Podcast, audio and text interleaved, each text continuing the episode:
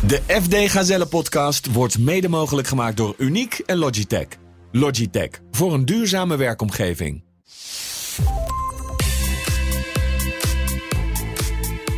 Het verduurzamen van woningen zo makkelijk mogelijk maken. Door gezamenlijke inkoopacties van zonnepanelen te organiseren bijvoorbeeld.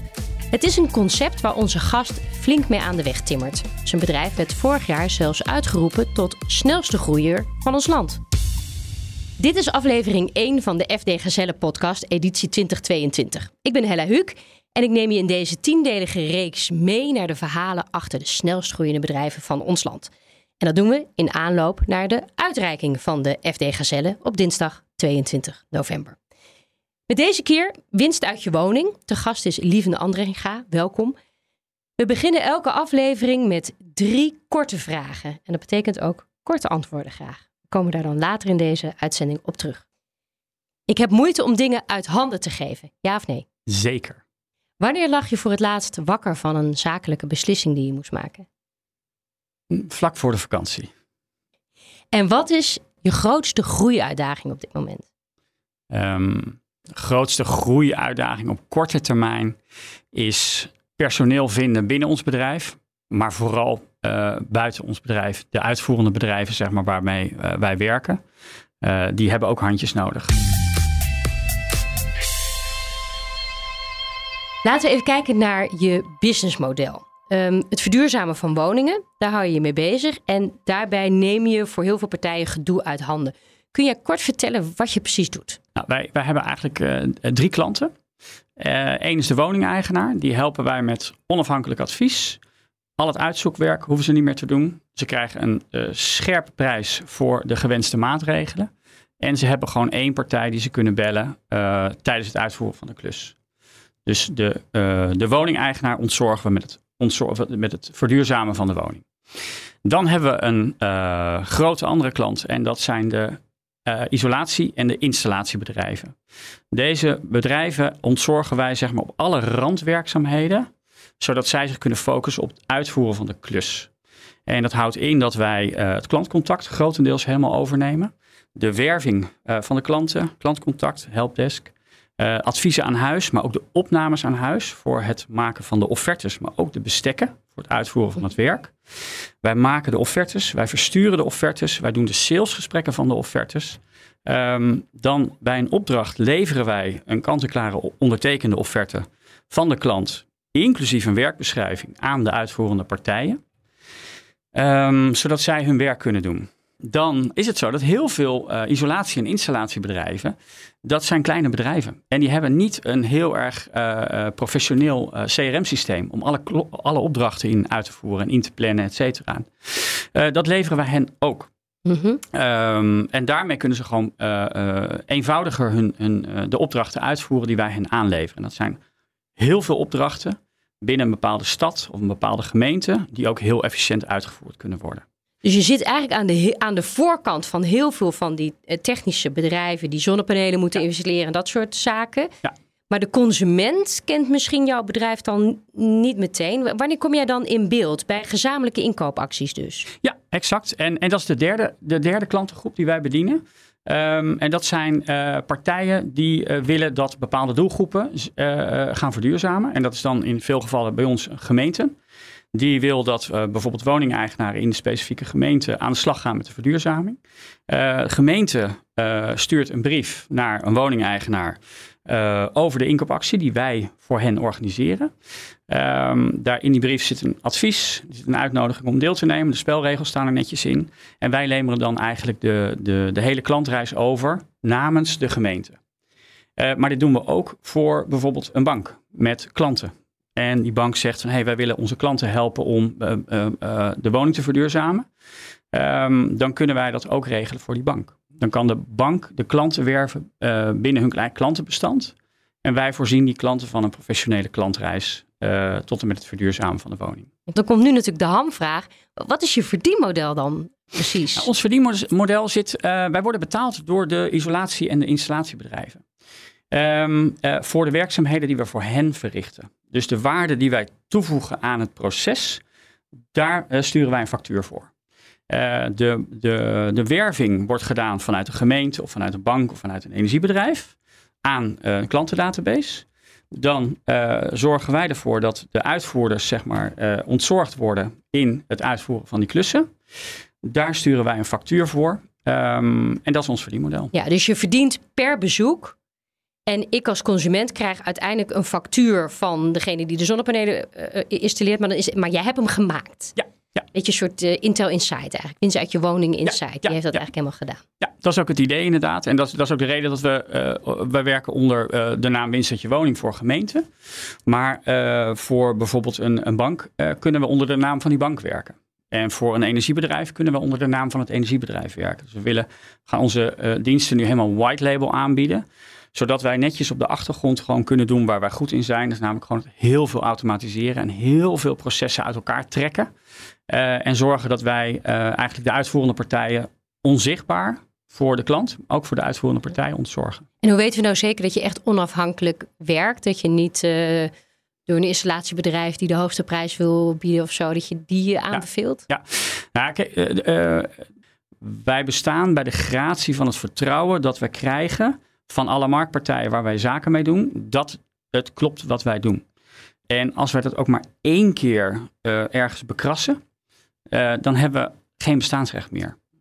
Lieve Andringa van Winst uit je woning is hier. Jullie werden vorig jaar uitgeroepen tot snelste groeier van, van ons land. En ik wil zo van je weten hoe je dat nou allemaal managt. Maar eerst, elke aflevering krijgen we een groeitip. En het spits wordt afgebeten door Kees de Jong van NL Groeit. Hij is tevens jurylid van de FD Gazelle. Als ondernemer ben je uiteindelijk toch ook de, de leider van je bedrijf. En dat is een functie die, uh, die heel veel uh, ondernemers onderschatten. En, en onderdeel van dat leiderschap is dat je mensen meeneemt met waar het bedrijf naartoe moet gaan. En dat is niet iets wat je één keer zegt, maar dat is iets waar je continu mensen uh, mee moet uh, involveren, verhalen vertellen, de doelen stellen. Alleen wat ik vaak fout zie gaan, is dat ondernemers zijn continu met de toekomst bezig. En die zeggen dan uiteindelijk tegen hun team, van daar moeten we zijn. En dan vergeten ze dat dat team ehm, eigenlijk wordt overvallen met de uitkomst van een heel proces wat in het hoofd van die ondernemer heeft plaatsgevonden. En daarmee krijg je ze nooit echt mee. Wat je dus moet doen als ondernemer, als leider van jouw bedrijf, dan moet je ze dezelfde informatie geven op basis waarvan jij jouw visie en strategie hebt gecreëerd. En als ze, dat dus ook hebben, dan zien ze dus, dan ga je gezamenlijk die strategie maken. En dan is die strategie vervolgens van iedereen. Dus in plaats van dat jij jouw eindconclusie over jouw team en over jouw bedrijf heen, heen druppelt, uh, maak je daar iets van wat van jullie allemaal is. En als je dat dus doet, dan zie je hoe snel dingen kunnen gaan binnen je bedrijf. Kees de Jong was dat van NL Groeit en jurylid dus van de FD Gazelle. Lieve Andringa van Winst je woning, uh, herken je wat uh, Kees hier zegt? Ja, ik vind hem heel leuk. Ja, ik herken het uh, zeker. Gijs en ik zijn, zijn, bij de oprichter van, van, van de, de tent. en onze overleggen bestaan uit drie, vier minuten even met elkaar pingpongen. En dan, dan hakken we de knoop door. want we hebben ongeveer dezelfde achtergrond. Uh, dezelfde eh, faalervaringen hebben we al doorgemaakt. Heel veel faalervaringen vooral. Um, en op basis daarvan kunnen we heel snel keuzes maken. Alleen... Maar die andere 55 man? Exact, ja. En je hebt nog heel veel externe, geloof ik? Ja, klopt. Nog 20 uh, externe inderdaad. Hoe neem je die dan mee? Um, soms uh, niet, niet voldoende. Ja, dit is dus, ik moest wel, ik kreeg een hele grote glimlach. Uh, Je denkt ergens aan, neem ons mee, vertel. Nou, nee, het, is, het, zijn meer, het is meer een serie events, zeg maar. Het is niet, helaas niet één, één ding, maar een serie van dingen dat wij, uh, Gijs en ik, uh, hebben enorm veel energie. Uh, en, en, en huppelen door het bedrijf, heel snel allemaal. Uh, alleen we moeten soms ook echt de tijd nemen om gewoon uh, dingen eventjes rustig uit te leggen en daar de tijd voor te nemen. Alleen daar moet je ook een beetje rust van in je, in, voor in je, in je kont hebben. en ook je bewust zijn van het feit dat de logische gedachtegang in jouw hoofd niet in ander, andermans hoofd zit. Dus, ja, ja. Hoe doe je dat dan met, met bijpraatsessies en dat soort dingen? Ja, je moet er echt tijd voor reserveren. Alleen het, het, het, het doorjakkeren wat ik heel erg herken. Uh, en wat, wat, wat Gijs en ik allebei heel erg hebben. Uh, even drie minuten pakken en dan weer leuk. Dan verveel ik me al en dan wil ik eigenlijk weer door. Uh, dat kan niet. Je moet de tijd nemen om anderen ook mee te nemen. Lieven, jullie groeiden tussen 2018 en 2020 met 443 procent. Ehm, gaat het dan ergens knellen in je organisatie? Zeker, ja. Ehm, wij zaten op dat moment met een kleine 20 man volgens mij. Uh, misschien zelfs minder, ik denk 18 in, uh, in het begin. Uh, en we zijn ja, van, van, van 18 naar, ik denk 45 gegaan in die, die twee jaar tijd. En dat, dat doet echt pijn. waarbij een organisatie van 18 man ken je elkaar goed. En iedereen, kent elkaar, iedereen kent elkaar goed. En um, iedereen weet van elkaar ook wat hij doet en wat er verwacht kan worden. En op het moment dat je heel snel heel veel nieuwe mensen uh, binnenkrijgt, echt een verdubbeling van het aantal werknemers, worden verantwoordelijkheden kunnen gaan zweven. En, en, en, soms ook onopgemerkt kunnen gaan zweven. En dan heb je echt wel stress. Want dan, dan blijken dingen in één keer gewoon niet gedaan te zijn.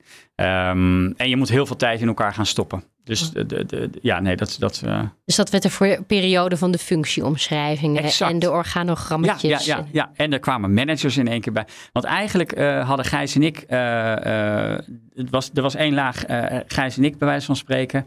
En iets van een tussenlaag. maar daar, het was, iedereen was super. hoe zeg je dat? Uh, het was een hele platte organisatie. Echt super plat.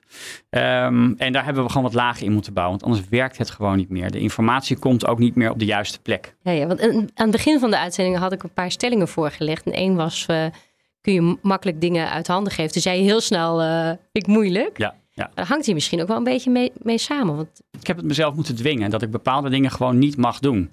Uh, en ik heb ook anderen verteld van, hé hey jongens, dit gaan jullie zelf doen en dit, die mag je me niet meer bij betrekken. Geef je een voorbeeld dan. Wat, wat uh, nou, mag jij niet meer doen? Ja, ik heb hele, hele, uh, ik heb bepaalde ideeën over communicatie, zeg maar, over marketing. en en we hebben een ontzettend goede communicatiedame aangenomen. Die is enorm hard aan het werk. En soms fiets ik daar dwars doorheen. En dan wordt ze helemaal gek. En dat snap ik ook. Sorry daarvoor. Uh, en, maar dan heb ik een bepaald beeld in mijn hoofd. Denk ja, maar zo zou het eigenlijk moeten zijn. En uh, ik moet dat echt loslaten. En zo zijn er meer dingen. Ja. Je hebt eerder bij, uh, bij het Financiële Dagblad wel eens gezegd. toen hadden we je geïnterviewd toen je gewonnen had. Van ja, een fout die we. Nou, dat heb jij eigenlijk niet gezegd, maar je compagnon Gijs. een fout die we eerder hebben gemaakt is dat we te lang doorgingen met werkzaamheden die te veel energie kosten. Ja. Uh, weet jij wat hij daarmee bedoelde? Heb je daar, heb je daar voorbeelden van? Ja, uh, uh, ik weet ook specifiek waar, waar, waar, die, waar, die, waar die op doelde. we moesten een enorm groot traject. Dat, dat RRE-verhaal waar ik net... Ja, dat, dat, dat mooie project, project, waar we, we eigenlijk alleen maar gefocust op productie draaien. Alleen maar productie draaien en zorgen dat we de, de beloftes die we hebben gedaan, dat we die waar gingen maken naar de klant. Maar vervolgens moesten wij nog gaan uitzoeken wat uh, we eigenlijk moesten factureren en dergelijke. En de hele administratie heeft daar wel onder geleden. Van, ja, maar wat, wat hebben we precies afgesproken eigenlijk met wie? En, uh, en de administratie wordt dan een beetje een ondergeschoven kindje. Nou, daar heeft... Terwijl de kern van je dienstverlening is die administratie. Ja, van anderen, maar niet van ons. Weet je wel, dat, dat was even volledig. We waren zo gefocust op, uh, op gewoon doen wat we beloofd hebben. En niet uh, verzuipen in, in de hoeveelheid werk. en dan blijft dat liggen. En daar heeft hij zich echt op vergalopeerd. door heel veel oorzaken, waar, waaronder ik zelf.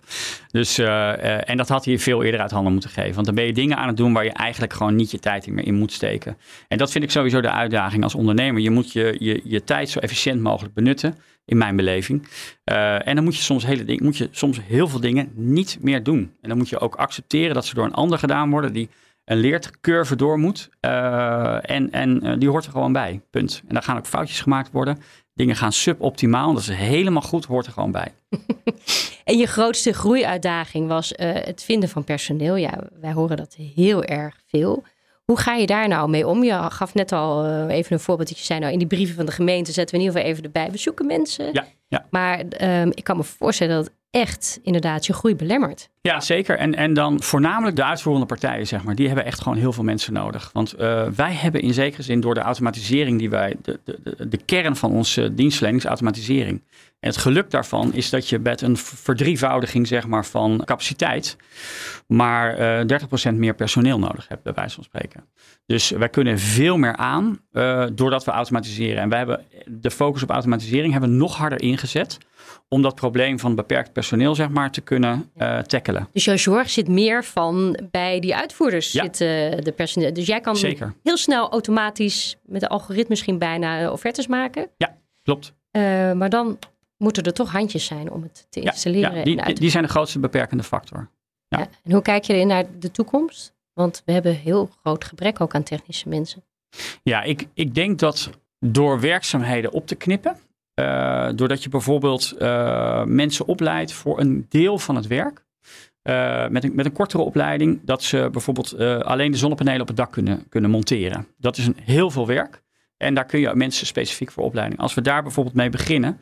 Oké, jij wordt monteur eh, eh, zonnepanelen op het dak. Eh, dan kun je op korte, hè, kun je met een, een, korte cursus kun je mensen al helpen om direct waarde toe te voegen aan de keten van zonnepanelen bijvoorbeeld. En hetzelfde geldt voor spouw, bijvoorbeeld. Het, het, daar is niet een enorme lange opleidingsperiode voor nodig.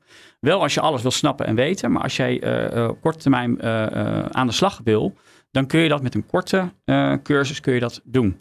En ik denk dat we wat dat betreft veel werkzaamheden moeten opknippen. En dat is in zekere zin wat wij ook al doen.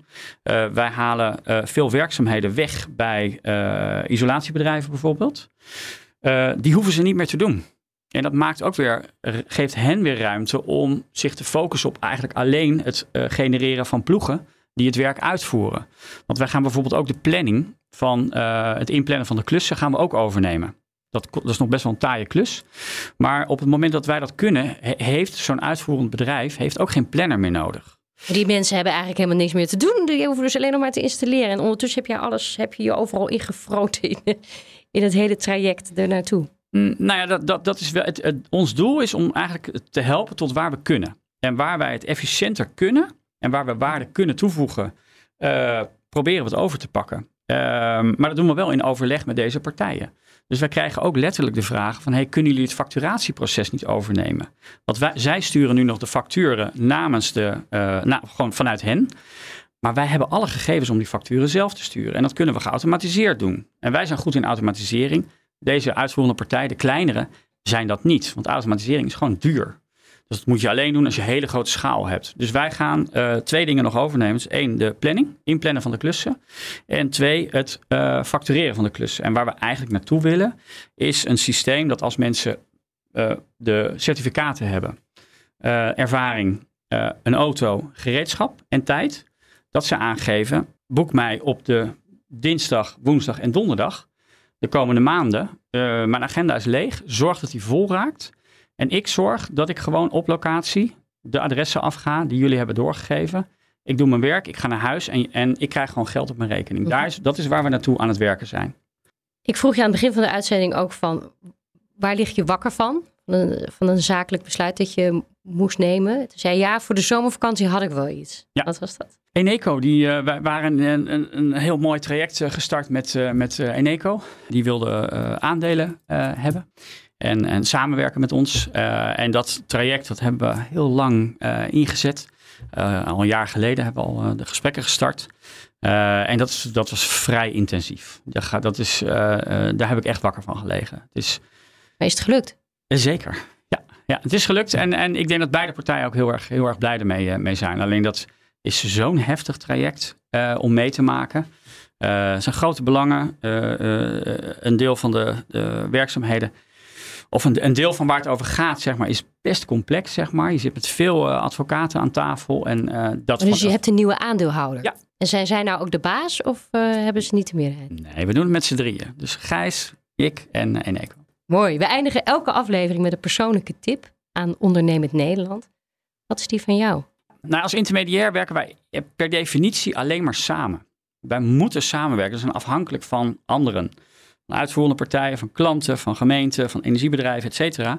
En wat ik altijd heel erg leuk vind in de, de eerste gesprekken, zeg maar, met een nieuwe potentiële partner, is om heel expliciet op tafel te leggen eh, en te vragen wat die ander wil. Waar wordt hij blij van?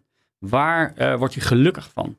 Eh, en als je dat, als die andere partij zeg maar merkt dat je het echt wil weten, dat je het ook echt uit hem, haar, hem of haar trekt, ehm, dan heb je een hele goede basis om de verdere gesprekken voor die samenwerking eh, door te lopen. Dan ligt er een basis van, oh wacht even, deze partij wil, echt, wil ook echt samenwerken. Die, die, die wil niet alleen zijn eigen belangen nastreven, Maar die wil ze op tafel hebben, zodat we met elkaar zeg maar, goed uh, uh, samen kunnen gaan werken. Want dat is wel een beetje de kern van, van wat we doen. En als dat niet helemaal helder is, omgekeerd, dan blijft er altijd nog iets vaags sluimeren. Van, ah, je, weet, je weet niet precies van elkaar wat je wil. En ik vraag het hen eigenlijk om het zo opportun mogelijk op tafel te leggen. Waar word jij blij van? Echt, als je heel veel geld wil verdienen, prima. Maar dan, dan gaan we dat ook nastreven. Dan is dat, dan is dat duidelijk. Lieve Andringa van Winst uit je woning, dankjewel. Dit was de eerste aflevering van de FD Gazelle podcast editie 2022. In de volgende aflevering praat ik met Nathalie Beck van Bloom Europe, dat razendsnel uitbreidt door de inzet van distributeurs.